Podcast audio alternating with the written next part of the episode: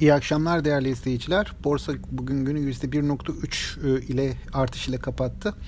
1500 e, puanın üzerine çıktık bugün. Bugünkü alımlarla birlikte e, yavaş yavaş da daha önceki dönüş seviyesi olan 1550-1600 aralığına doğru hareketleniyor borsa.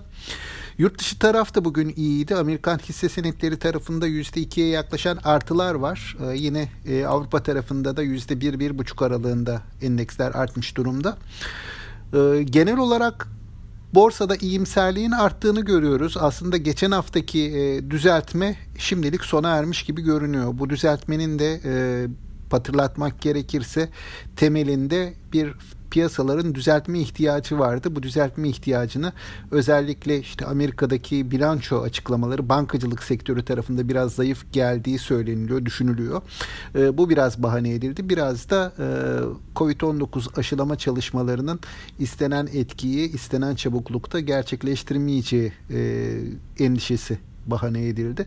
Ama şimdilik e, her iki konuda da bir gelişme olmadığı halde küresel piyasalar e, geçtiğimiz haftayı tamamen geride bırakmış yukarı yönlü hareket ediyor durumdalar.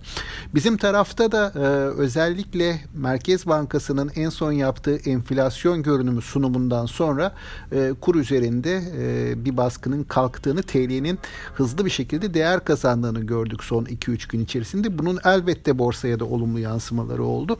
Hisse senetleri tarafında gerek bankalar olsun gerek sanayi hisseleri olsun yukarı yönlü hareketin içerisinde bulduk kendimizi. Bugün detaylara baktığımız baktığımız zaman özellikle bilişim sektörü hisselerinde hareketlilik var. Yine dayanıklı tüketim otomotiv daha önceki dönemlerde endeksi yukarıya taşıyan hisseler arasındaydı. Buralarda alımlar var.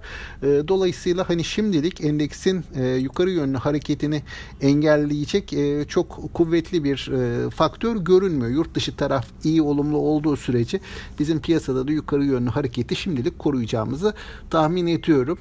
Dolayısıyla yarın da eğer yurt dışı taraf bu şekilde kapatırsa şu anki kapanışlarla sona ererse seanslar e, yukarı yönlü hareket devam eder diye düşünüyorum. Tüm izleyicilere sağlıklı, bol bereketli, kazançlı günler dilerim. Yeniden görüşmek üzere.